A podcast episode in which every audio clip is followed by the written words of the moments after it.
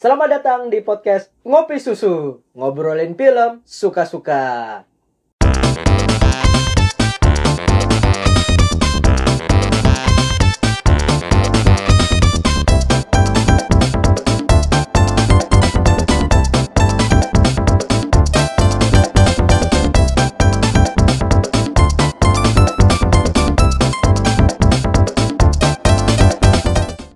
Selamat datang lagi ya buat pendengar di episode sekian ini. Udah Iya. episode berapa nih? Anggap tahu ya. 150 lah udah lah. Eh, Sera, eh, 11-12 lah ya. Episodenya Wadah. mirip-mirip. Wadah. 11-12. Ini selamat datang juga buat para pengikut baru kita di akun Twitter karena di akun Iya, Instagram gak nambah-nambah. Akun Instagram nambah. Coba pembesar payudara. Nggak ada lagi anjir yang begitu-begituan. Oh, udah nggak ada lagi. Udah kena blok, Oh, peninggi badan, blok. peninggi badan. Mungkin peninggi badan ini ya, susu tibon. Apa sih dulu susu ada susu susu tibon? Susu Ya tempo. itulah ya. Ya, Waduh. itulah. Jadi di episode ini kita bakal ngebahas X-Men Dark Phoenix ya. Reviewnya. reviewnya kita bakal nge-review X-Men Dark Phoenix suka-suka kita Iya. Dan juga sebelum itu kita ada beberapa rek- eh, apa ya nyebutin film-film Indonesia yang akan tayang minggu ini eh, yang tayang minggu ini Intermezzo, intermezzo. ya ada intermezzo nggak sih intermezzo namanya? bukan lah intermezzo itu di tengah-tengah Oh, Pau- gitu. pause gitu pause Ya. istirahat gitu di episode ini kita ngomongin di depan kita ada kasih tahu lah siapa tahu ada yang tertarik nonton film Indonesia ini gitu kan ada film-film Indo film-film lokal yang sedang tayang dan sama mungkin beberapa rekap nanti sedikit Filmnya apaan aja nih filmnya? Untuk sekar- sekarang minggu ini yang tayang itu di Indo ada kayak yang gua tahu ya ada dua nih. Yang pertama itu ada judulnya mana nih? Do Re Mi, Do Re Mi and You gitu tuh. Ya itu ada yang dibahas di Cenayang itu kan. Tahu gak? Iya iya iya. Tapi kan mereka Cenayang dibayar buat ngebahas kita enggak. Beda dong. Iya, kita gratis. Asal di retweet tuh. Jadi sinopsisnya ya, film ini tuh nyeritain empat sahabat. Jadi empat ya biasa lah ya film-film ini tipenya film musikal. Jadi banyaknya nyanyi-nyanyinya. Pada kecil-kecil semua mirip. sih? Ya beranjak dewasa. Anak SMP kayaknya SMA ya, nggak tahu deh. Jadi ini cerita empat sahabat berusaha mengganti uang ekstrakurikuler yang hilang. Ikutan kompetisi. Jadi ikutan kompetisi buat ganti dapetin duit kembali itu. Ya istilahnya mendapatkan duit kembali aja lah. Jadi bagi mungkin yang suka dulu ada film Petualangan Sherina yang musikal gitu kan. Ya mungkin nonton ini boleh. Ya kan, Kalau Jadi ada Joshua musikal. Joshua, Joshua Joshua tuh juga ada musikalnya kan? Ada Musikal nyanyinya gitu. iya. Iya adanya. Tapi dulu masih medok ya Joshua-nya ya. Iya. Masih- Emang sekarang udah enggak? Ya mungkin sekarang bisa medok. Kalau dulu kan, Bu, ini Jojo, Bu. Bu, Jojo di luar. Dulu miskin ya, sekarang udah enggak ya. Dulu dulu miskin, sekarang lebih miskin. Terus film lokal selanjutnya ada yang jadwalnya tayang minggu ini tuh Mendadak Kaya. Ini gua nggak tahu sih sebenarnya ini film lanjutan dari yang pertama Doyok Ali Otoy Ali Oncom itu atau bukan. Dan ini itu dia- diangkat dari komik strip gitu di di koran zaman dulu. Jakarta Kota kalau nggak, eh Jakarta Pos apa Jakarta Kota ya? Di Mendadak Jakarta. kaya ini yang Panji itu bukan sih? Iya, Panji, Fedi Nuril sama Dwi Sasono yang main. Sebenarnya ya Dwi Sasono dan Fedi Nuril tuh legit ya, aktor legit gitu. Panji ini aktor komedian gitu. Jadi ya mungkin yang suka pengen nonton film seger-seger nggak terlalu banyak dipikirin. Karena dari trailernya jokesnya wadaw kayak kita ini. Wadaw banget. Ya gue gua udah lihat juga kok trailernya. Ya Dan- rambutnya Panji aja dibikin lurus kan. Iya, dibikin lurus kayak ya kayak apa ya itu namanya ya? Kayak komik-komik Jepang zaman dulu lah kita pernah nonton mungkin. Kayak Suneo ya nggak sih kayak Suneo? Kayak kayak sedih. kayak rambutnya Suneo ini. Ya kalau senia kan mukanya yang jelek, ini rambutnya yang jelek. Iya, rambutnya juga panjang. Cuma beda dikit lah, beda-beda dikit lah boleh. Iya. gitu kan. Dan juga di sini karena ini jadi dari komik strip, jadi jokesnya emang di komiknya kan pasti wadaw ya. Kalau zaman sekarang mungkin ada tahi lalat. se. Ya, Tai Lalat itu luar biasa ya itu komik itu. Ya mungkin 20 tahun lagi tuh difilmin kan. Nggak tahu gimana bentuk film apa, oh, tahi lalat gitu. Apa, apa, apa nggak nyambung gitu. Dark joke semua Tapi tetap ketawa. Dark joke semua. Jokesnya yang aneh-aneh. Dan mungkin kalau karena kita berdua nih orang Banjar, kalau di Banjar dulu ada juga Paluy, cerita Paluy gitu di Iya. koran-koran. Nah, kayak gitulah bentuknya. Kalau film kayaknya minggu ini cuma dua itu deh yang gua tahu ya. Mungkin juga ada yang lain tapi gue nggak tahu aja. Itu buat film Indonesia aja nih. Soalnya yang kita kasih tahu yang Mm-mm. buat para peminat-peminat Ya. penikmat-penikmat film Kalau- Indonesia. Ya, kalau film luar udahannya ya pasti pasti rame yang bahas lah ya. Jadi kita bahas yang nggak rame dibahas aja. Iya. Jadi buat minggu ini recap-recapnya ada apaan aja nih? Di dunia film ya, gua iya dong, masa begitu- dunia sepak bola. Ya, masa dunia dalam berita. Wah. Wah, TVRI. Waduh? Masa berita dalam dunia? Wah, masa dalam berita dunia? Wah, Sudah, sudah, sudah, sudah. Ada Masa berita apa? dalam- berita? masa dalam sinar dunia?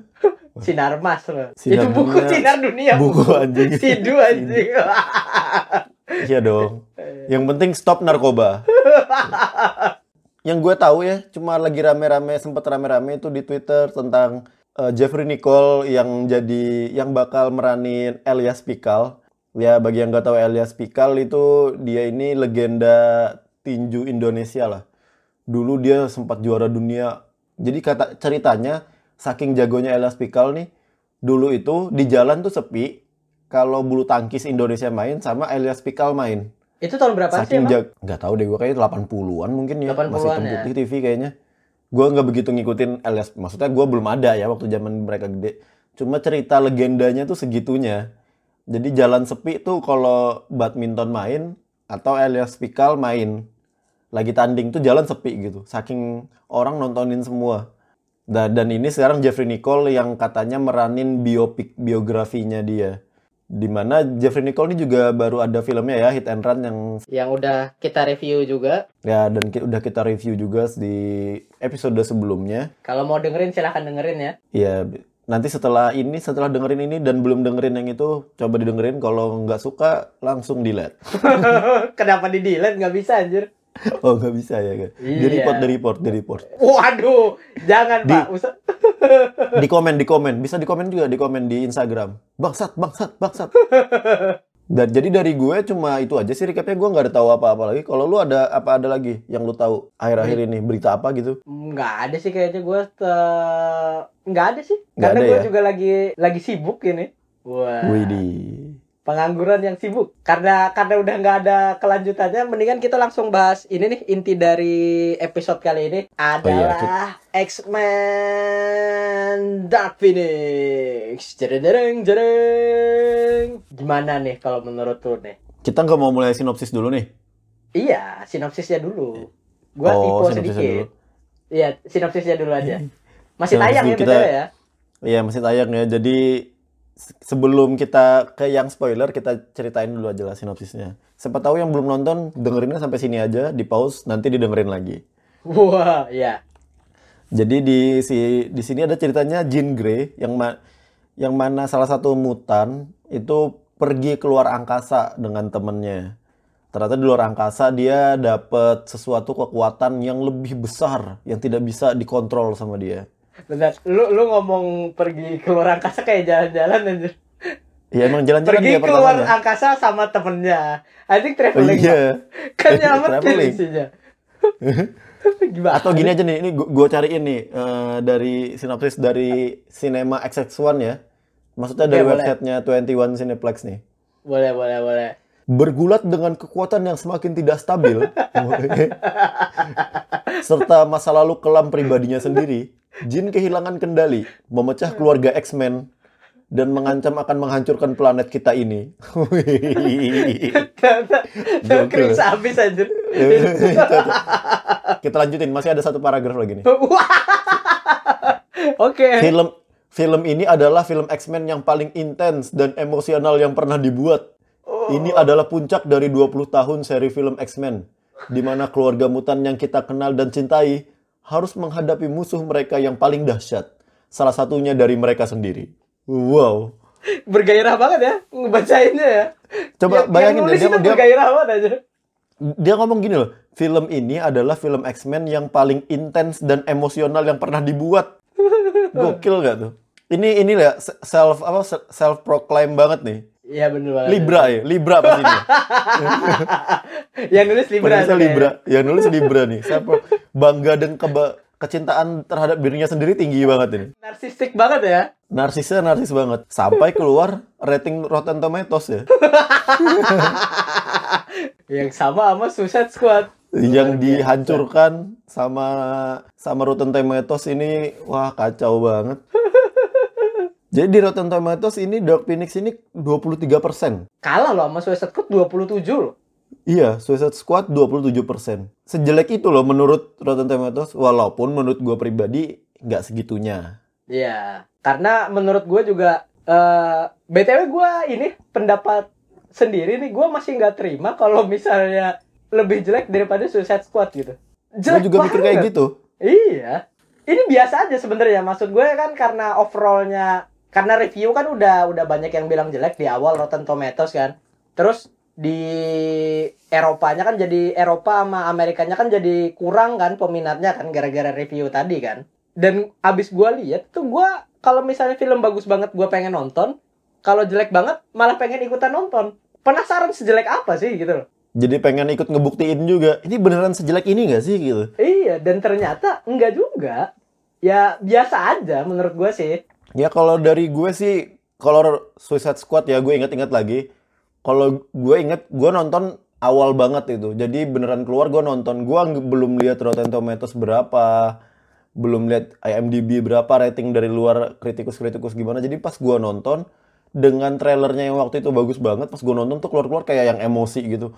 Sampah, sampah, sampah. Gue seumur hidup gue nggak pernah ngasih rating di bawah 5, 5 dari 10 itu itu yang Suicide Squad gua kasih 4 saking sampahnya tuh Itu ibaratnya sejelek-jeleknya film tuh gua kasih 6 lu lu udah lu jadi enam, dosen. enam. Lu jadi dosen. Iya. Berharap sama mahasiswa, ya oh ini mahasiswa kelihatannya pinter nih, rajin, jawab terus. Ternyata pas diulangan jelek. Sampah. jelek jeleknya jelek banget di kelas Iya. kelihatan pinter gitu kan nanya pas ulangan kok bangsat deh DO aja ini Pencitraan nih kayak kayak Jokowi. pencitraan doang ternyata Jokowi wow wow sekali. cebong co- tolong serang akun ini Bajer-bajer. Zanuri Aziz buzzer serang akunnya Anjir serang beneran gua takut anjir. Ya, nggak apa-apa, nggak apa-apa. Kan kita nyari traffic. Oh iya. Lu doang yang kena tapi. Udah kayak Atta Halilintar ya ngelakuin segala cara ya. Nggak apa-apa. Bergabung dengan The Dark Side nggak apa-apa. Jadi kita mungkin nanti podcast Islami bisa jadi podcast Islami. Walah diterusin anjing. Mending kita balik lagi bahas Dark, Dark Phoenix sih. Menurut intinya kalau menurut kita kita berdua ini Dark Phoenix itu nggak sejelek itu gitu loh. Biasa aja malahan. Ini watchable, bisa ditonton. lah. Watchable. Boleh, Ah. boleh lah, boleh lah. Boleh. Kalau punya ditonton. 30 ribu, 50 ribu, kalau di Banjar udah 50 ribu sekarang ya. Iya di Banjar 50 Di beberapa kota lain Surabaya masih 35 gitu kalau nggak salah. Tuh nggak boleh lah ditonton buat pacaran, buat ngedate. Nggak berat-berat ceritanya gitu kan. Bonus buat lelaki ada Jean Grey-nya, ada Sansa Stark ini. Luar biasa di Iya. sini tuh luar biasa sekali. Kita tidak bisa mendeskripsikan dengan kata-kata. Gue baru ini sadar kalau Sophie Turner tuh secantik itu loh. Kok cantik banget ternyata. Karena dulu biasanya nontonnya di Game of Thrones kayaknya ya. Dan dari Layarnya kecil, kecil juga. gitu kan di TV gitu kan. Enggak maksudnya kita nontonnya dia tuh berkembang gitu loh dari kecil gitu loh. Iya, dan maksudnya dari kecil banget dari anak kecil ya waktu di Game of Thrones gitu. Dan sekarang nonton tuh dia udah dewasa, udah kawin kan sekarang udah nikah loh dia. Iya, sama Joe Jonas aja Joe Jonas. Jojo. Oh, itu itu. Joe Jonas siapa ya? Jojoba. Ah, Jojoba apa? Oh, Itu nih, jomblo-jomblo bahagia anjir iya. Jadi buat ngeliatin kayak kalau kalian punya 35.000 ribu buat nonton X-Men yang suka mutan, mutant ya. Kan ada gue tahu beberapa orang ada teman yang suka mereka lebih prefer X-Men gitu. Karena mereka lebih suka mutant daripada Avengers gitu yang superhero-nya bener-bener dari mana-mana, dari alat, dari mana. Ada gue masih punya teman mungkin karena dia hidup di zaman X-Men dulu yang Bryan Singer itu kan, yang X-Men 1 2 3. Jadi waktu ada X-Men lagi mereka lebih lebih dapat feel-nya nontonnya daripada Avengers gitu kan yang bener-bener teknologi banget, ada macam-macam. Ada alien juga. ada macam-macam karakter dikeluarin, ada alien. Jadi ya menurut gue nggak seburuk itulah. Kalau gue kasih nilai masih 5 5 atau 6 lah, masih oke gitu, masih gak jelek-jelek amat. Cuma kalau dari yang dari yang di sini ya yang gua dapet tuh eh, siapa namanya Profesor X-nya si Charles ini agak agak gimana ya? Jadi yang gua yang gua agak bingung eh yang gua agak bukan agak bingung sih agak agak notice di sini tuh kayak Profesor X-nya jadi nggak sepintar dulu, nggak sewisdom dulu. Dulu tuh wis- wisdomnya tinggi, bijaksana gitu Timeline pertama ya. di timeline pertama di Profesor X sebelumnya gitu loh. Maksudnya Komik juga. semua Profesor X yang kita tahu tuh kayak gitu gitu loh. Di sini tuh lebih kayak emosional. Gue maunya kayak gini. Enggak gue nggak salah gitu. Enggak kayak gini gitu. Lebih lebih lebih lebih keras kepala gitu ya. Kena Dan- post power syndrome mungkin. Oh iya, dan lebih Iya. childish juga ya. Karena kalau menurut gue kan dia kan dibangunnya itu kan dari first class kan. Yang ini loh, eh, timeline yang ini terus dipertemuin Hmm. nama timeline yang sebelumnya, terus baru di reset lagi. Itu kan sifatnya Profesor X yang kita kita nyebutnya ini ya, timeline 1, timeline 2 aja ya biar gampang ya. iya Timeline 1 itu Profesor X yang Stewart itu, Patrick Stewart iya yang ini Patrick Stewart Mac McAvoy. Jadi kan di X-Men First Class itu kalau gue lihat dia tuh emang sifatnya kayak gini nih. Maksudnya nggak nggak wise wise banget. Buktinya dia sempat frustasi lumayan frustasi Oh, iya. lah yang di masa-masa Days of Future Past itu kan. Tapi di sini harusnya kalau menurut gue eh, Profesor X ini udah udah ke tahapan yang wise-nya itu yang kata lu bilang tadi. Ini nih karena harusnya dia sebelum- udah udah udah wise, udah Iya. udah udah pada tahapan yang di mana dia harus bijaksana menghadapi segala sesuatu gitu. dan ada sebelumnya ada Apokalips kan Apokalips di mana di situ dia udah jadi tokohnya kan Oh, di iya, sebelum sebelumnya emang udah gag- dari first class tuh dia masih istilahnya anak mudanya tuh dia dia sama Eric sama sama siapa Michael Eric. Fassbender Fassbender ini kan yang yang masih berantem kayak bromance bromance nya kuat berantem tapi cinta gitu tapi tetap cinta gitu kan Mereka main Masih Striking. Viper X ya. Wah, nggak main, nggak main. Walaupun ada adegan di pantai ya, tidak tidak bermain mereka. Iya. Jadi di episode yang eh di episode, maksudnya di di film yang terakhir ini kelihatan lebih ngeyel aja gitu. Apa mungkin karena lebih cepet? Gue nggak tahu ya perkembangan karakternya gitu. Jadi nggak dapet kenapa Profesor Profesor X kok gini banget ya. Tiba-tiba begini ya maksud lo ya. Eh, eh, jadi kayak satu satu rumah nih, satu rumah X-Men ini emosional semuanya. Iya. Jadi Ya, itu jadi semuanya tuh jadi emo- si bisnya juga emosional. Mal- mistik dan yang mistik juga mistik. Mistik juga kayak semuanya jadi pengen aku yang benar, aku yang benar, aku yang benar. Emang berantem beneran berantem sendiri mereka nih. Ya ini sebenarnya namanya X-Men Civil War lah, bukan Dark Phoenix. Iya, iya. Iya Di- kalau yang diadu sama Jessica Chastain yang jadi Baron Zemo-nya. Wah, ya. Kalau dulu tuh ada ini eh, Capcom versus Street Fighter versus Capcom. ada ada game-nya. Ya. Ada game. Enggak. Street Ya, Fighter ver- versus Capcom. Enggak, enggak itu Nah, ini. juga. Cuma kalau misalnya dari pandangan gue nih, overall filmnya tuh kayak Batman versus Superman tau gak sih? Cuma ada settingan musuh ketiganya dilihatinnya lebih cepat daripada Batman versus Superman. Mereka Civil Hmm. War sendiri, terus ujung-ujungnya ngalahin musuh bersama gitu. Oh, kalau dibandingin sama Batman versus Superman, gua malah ya mungkin ide dasarnya sama ya. Iya, maksudnya Cuma- konsepnya menurut gue. konsepnya konsepnya. Cuma Batman versus Superman tuh menurut gue lebih kena karena mungkin panjang pembangunan karakternya berantemnya diadu domba sama Lex Luthor itu kayak dua jam sendiri kan? Tiga jam film dua jam diadu domba nih. Kayak berantem sendiri Superman berantem sendiri Batman-nya berantem sama pikirannya sendiri. Jadi waktu dapet berantemnya tuh kena kalau di gue idenya. Kalau di sini tuh kayak cepet banget. Itu kayak even di filmnya itu cepet banget kan? Jean Grey bunuh bunuh mistik ya Ya. Eh, Jean Grey tahu dia dibohongin. Terus dia bunuh Mystic, ketemu bapaknya, terus dia bunuh Mystic, terus kabur ketemu Magneto. Terus lagi ketemu sama si Jessica Chastain. Gue even nggak tahu nama perannya siapa Jessica Chastain ini. Soalnya kan dia bentuknya bentuk manusia terus. Maksudnya Iya, mak awalnya kan dia manusia pohon gitu kayak kelihatan manusia pohon Iya. gitu loh. Kalau Groot, ini Groot, semi Iya. Ya mungkin dia makhluk Groot yang bisa nyamar kali ya. iya, Groot jahat, bad Groot. Iya.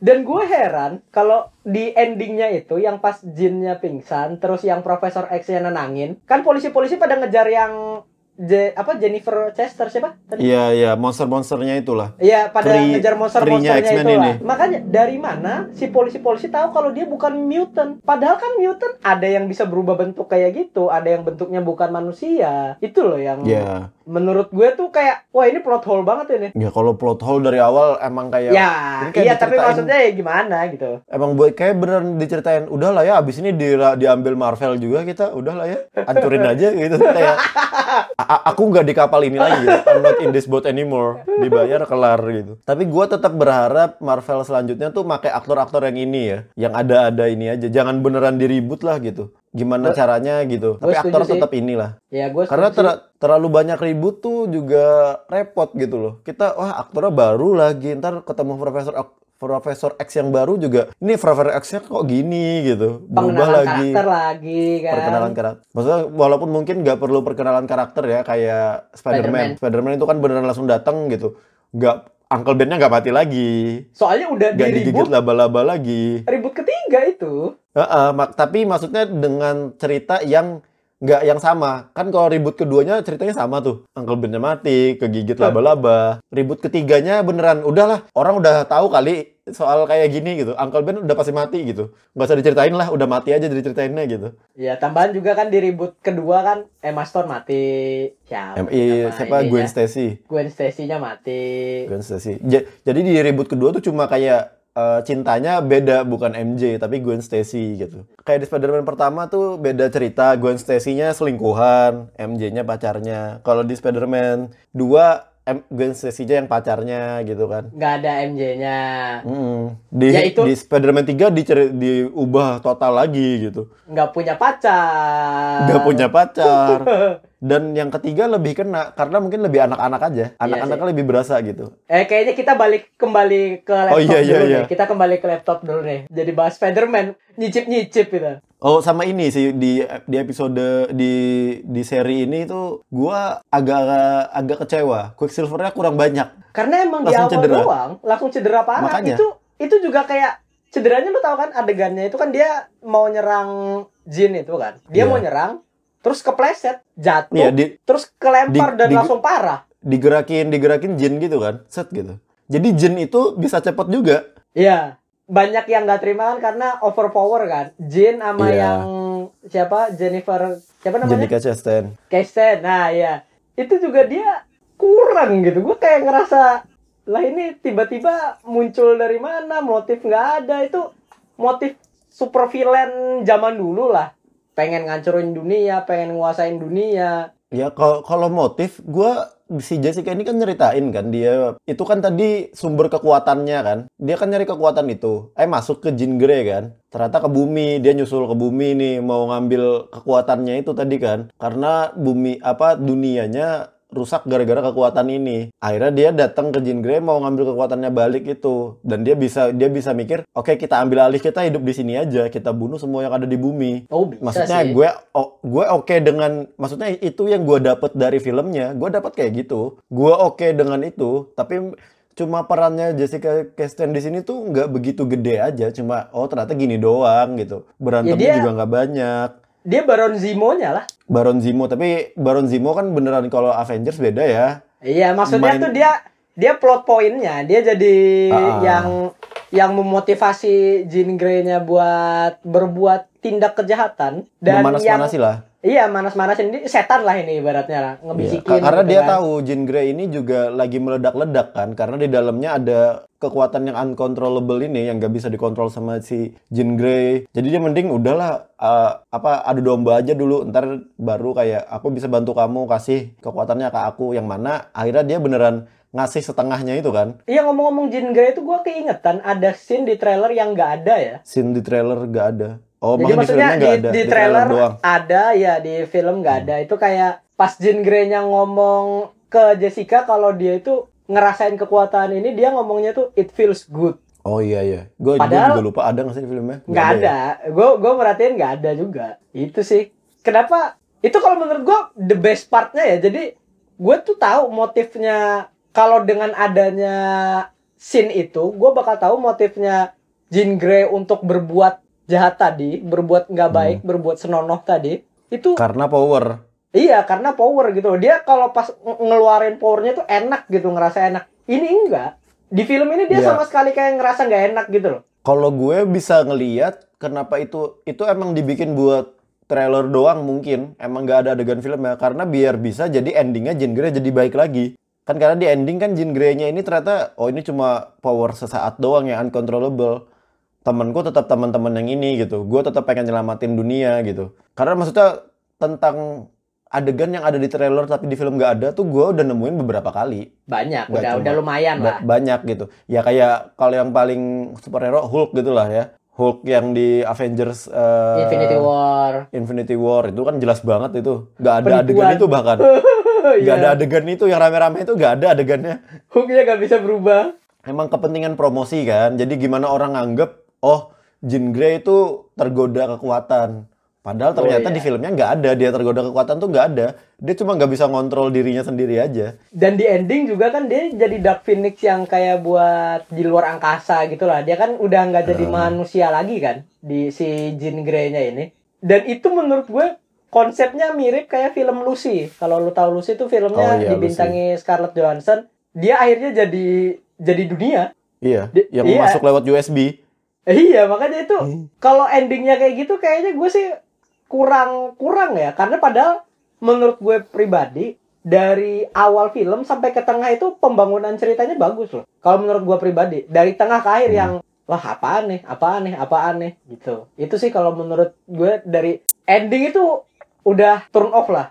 Kurang gitu bagi gue. Iya. Gue juga ngerasain kayak tengah ke akhir tuh kayak pengen oh ya udahlah udah jam gue nonton jam 8 gitu jam 9 oh sejam lagi kelar gitu cepet-cepet kelar iya aja iya gitu. bener banget itu itu kayak gitu udah juga udah tahu kita endingnya tuh bakal kayak gini gitu jadi ya pengen cepet-cepet nonton dan satu yang di awal gue agak ngira tuh Mystic dimatiin tuh gue kayak anjir Mystic dimatiin beneran tuh gue agak kaget sih iya itu itu gue nggak tuh. Mystic bakal dimatiin Karena kan dia dia itu face off franchise-nya Iya. X-Men juga.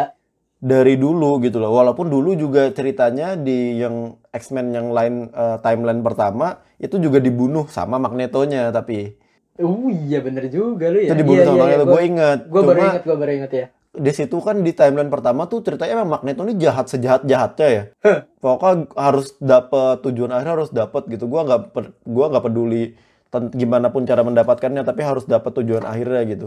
Jadi mistik di situ dibunuh dengan kepentingan itu tuh gua oke tapi di sini mistiknya kan baik ya versi yang manusiawi. Dan kebunuhan Terus- juga kayak nggak sengaja. Ah, ah, magnetonya juga yang baik. Di sini tuh magnetonya bisa dilihat gitu loh bisa Magnetonya lagi tobat juga di sini. Heeh, Magnetonya sudah beriktikaf kan? Istihoro Dilindungi, deh, dilin- istihoro. Heeh, istihoro dilindungi sahabat-sahabat. Bercocok tanam ya kan? Asli gue Udah. angkat di bagian yang ini. Gak apa-apa dong. Di, di- dilindungi teman-temannya ya kan? Di mana tapi dia masih nggak tahu ternyata kalau jinnya yang ngebunuh si Mystic. Waktu tetap tetap emosinya Eric tuh tetap diliatin di sini di mana waktu dia tahu oh kampret ini anak baru ngebunuh temanku dari lama gitu. Oh, Tak iya. bunuh lah gitu. tak bunuh lah. tak bunuh lah sampai ketemu lagi baru kampret terlalu kuat aku nggak berani tidak, aku tidak, mundur. tidak. Aku, Aku mundur. mundur. Tak Aku bunuh lah. Oh tak jadi. Iya.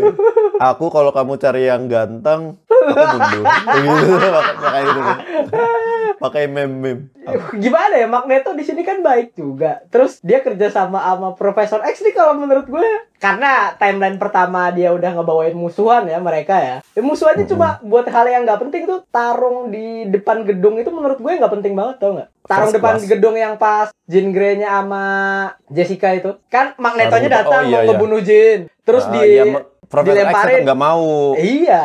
Ya, ya pasti Dan itu menurut gue kurang kurang penting gitu loh. Mereka datangnya gantian lagi udah kayak audisi anjir. Ya, itu lebih kepada menurut gue, oh ini ada berantemnya X-Men antara X-Men seperti biasanya gitu. Prof- Itu kayak formula formula biasanya X-Men tuh itu gitu. Biar- biar Berantem ya. antara Profesor X dan eh, siapa namanya? Magneto. Charles. Eh Profesor X sama Charles, Profesor X sama Magneto. Profesor X sama Profesor X ini dong kayak Spiderman Iya. Spiderman Eh, itu yang kamu, kamu Iya, kamu, kamu. kamu, kamu. nggak sopan nunjuk anjir ya kamu duluan yang nunjuk nyos nyos nyos nyos nyos nyos nyos.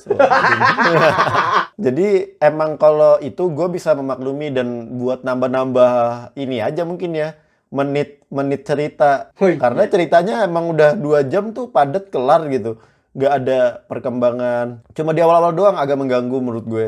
Kayak waktu abis balik si Jean Grey-nya nggak bisa ngontrol dirinya. Terus si Scott ini siapa namanya? Tai, Cyclops, Tai apa ya? Cyclops. pemerannya pokoknya si Scott ini si Cyclops ini tuh nggak segede perannya Cyclops di X-Men timeline pertama. Di timeline pertama tuh beneran kayak Cyclops Wolverine Jean Grey gitu. Karena Tuh tiga- leadernya, karena leadernya tuh diganti sama si Mystic tadi. Jadi kan Iya. Mystic ini kan uh, out of movie ya. Jennifer Lawrence kan kayak nggak mau ini masuk film X-Men lagi karena kan dia ya dia menang Oscar CV-nya banyak lah dia nggak mau ikutan yang film ini lagi dan akhirnya timnya Fox itu nawarin buat peran yang lebih gede gitu loh. Akhirnya dia Iya, malah enggak. jadi leadernya malah jadi Mystic. Bu- bukan Dan maksud tuh- gue kar eh, di sini itu kan karena ceritanya tentang Dark Phoenix. Gua kira Cyclops nih bakal banyak perannya. Iya Karena makanya pasangannya. itu. Makanya itu karena kan juga yang Cyclops ini kan dia ya gua gua paham maksud lo yang buat pasangannya yang inilah mengerti dia lah gitu kan. Tapi kan posisi leadernya dia juga kalau menurut gua kalau misalnya ditunjukin nggak ada si Mystic itu malah lebih bagus lagi dilemanya bakal ada loh. Oh, kalau kalau menurut gue tuh bukan itu. Kayak event di X-Men timeline pertama itu si Scott kan juga bukan leader kan, si Cy- Cyclops kan juga bukan leader.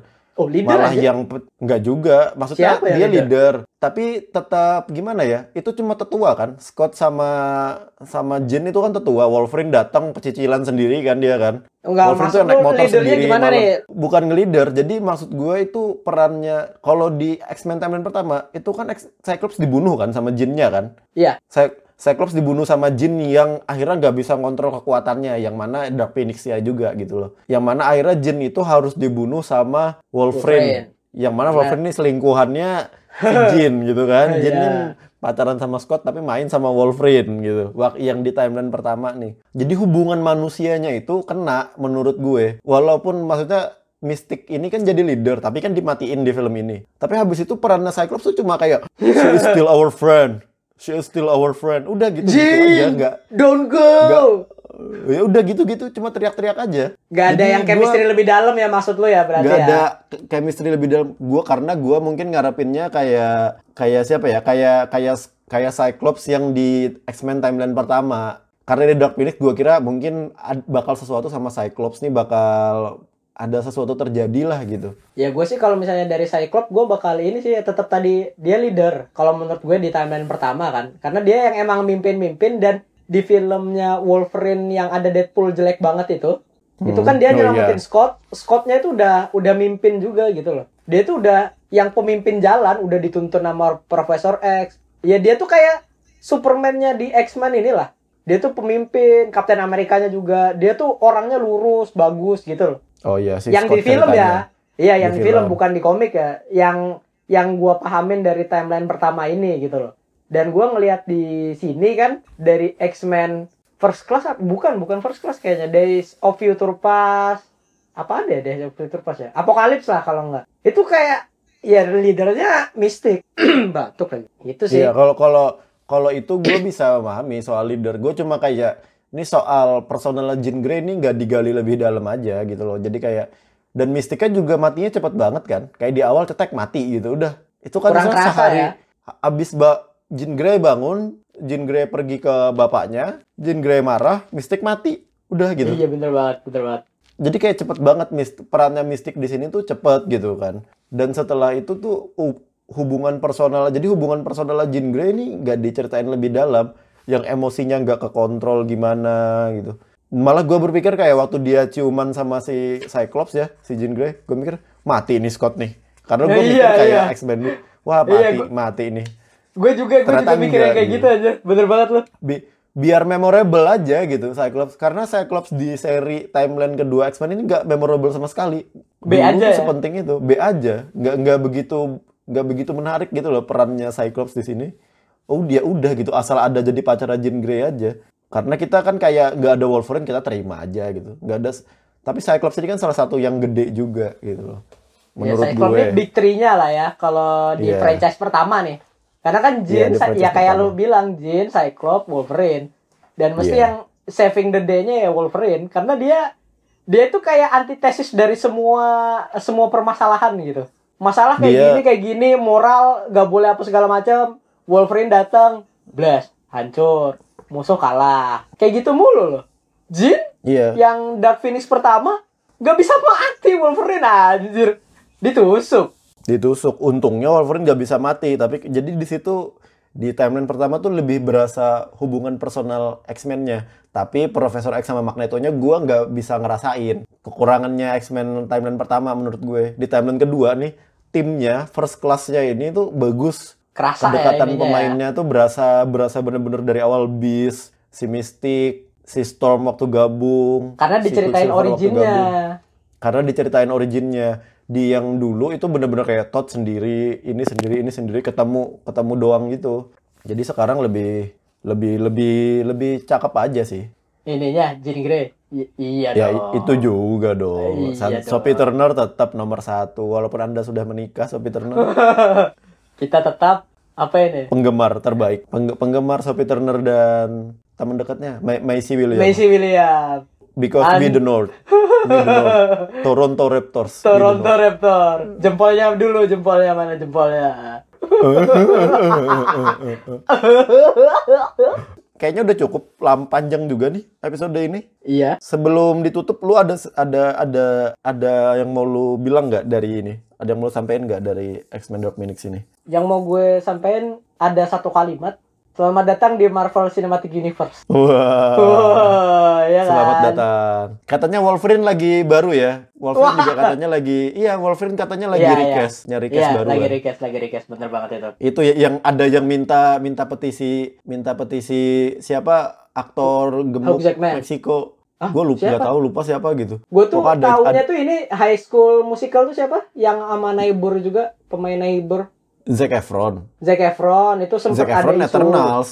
Iya, maksudnya dia sempat ada isu buat jadi Wolverine tapi ya Iya. cocok juga sih karena pendek ya Wolverine tuh aslinya pendek di komik Iya, kan Wolverine di bawah pendek. 170 kalau kalau lu gimana kalau lu kata-katanya nih? kalau gue nggak kata-kata ya udah lah ya selamat datang juga tapi gue coba pengen nyebutin terakhir tuh gue suka scene terakhirnya waktu Charles sama Ericnya main catur ya udahlah main Oh. satu game gitu itu ngingetin banget waktu di first class ya. Waktu dia main catur yang cuma pakai pikiran itu nggak ada megang catur sama sekali. Dilihat-lihatin iya, iya. doang gitu kan. Karena si Magneto bisa ngegerakin Profesor X juga yang gini. Set tangannya taruh di kepala gitu. Menurut gua tuh itu mengingatkan kembali oh iya sede- mereka pernah sedekat ini gitu. Gue suka banget sih scene terakhirnya.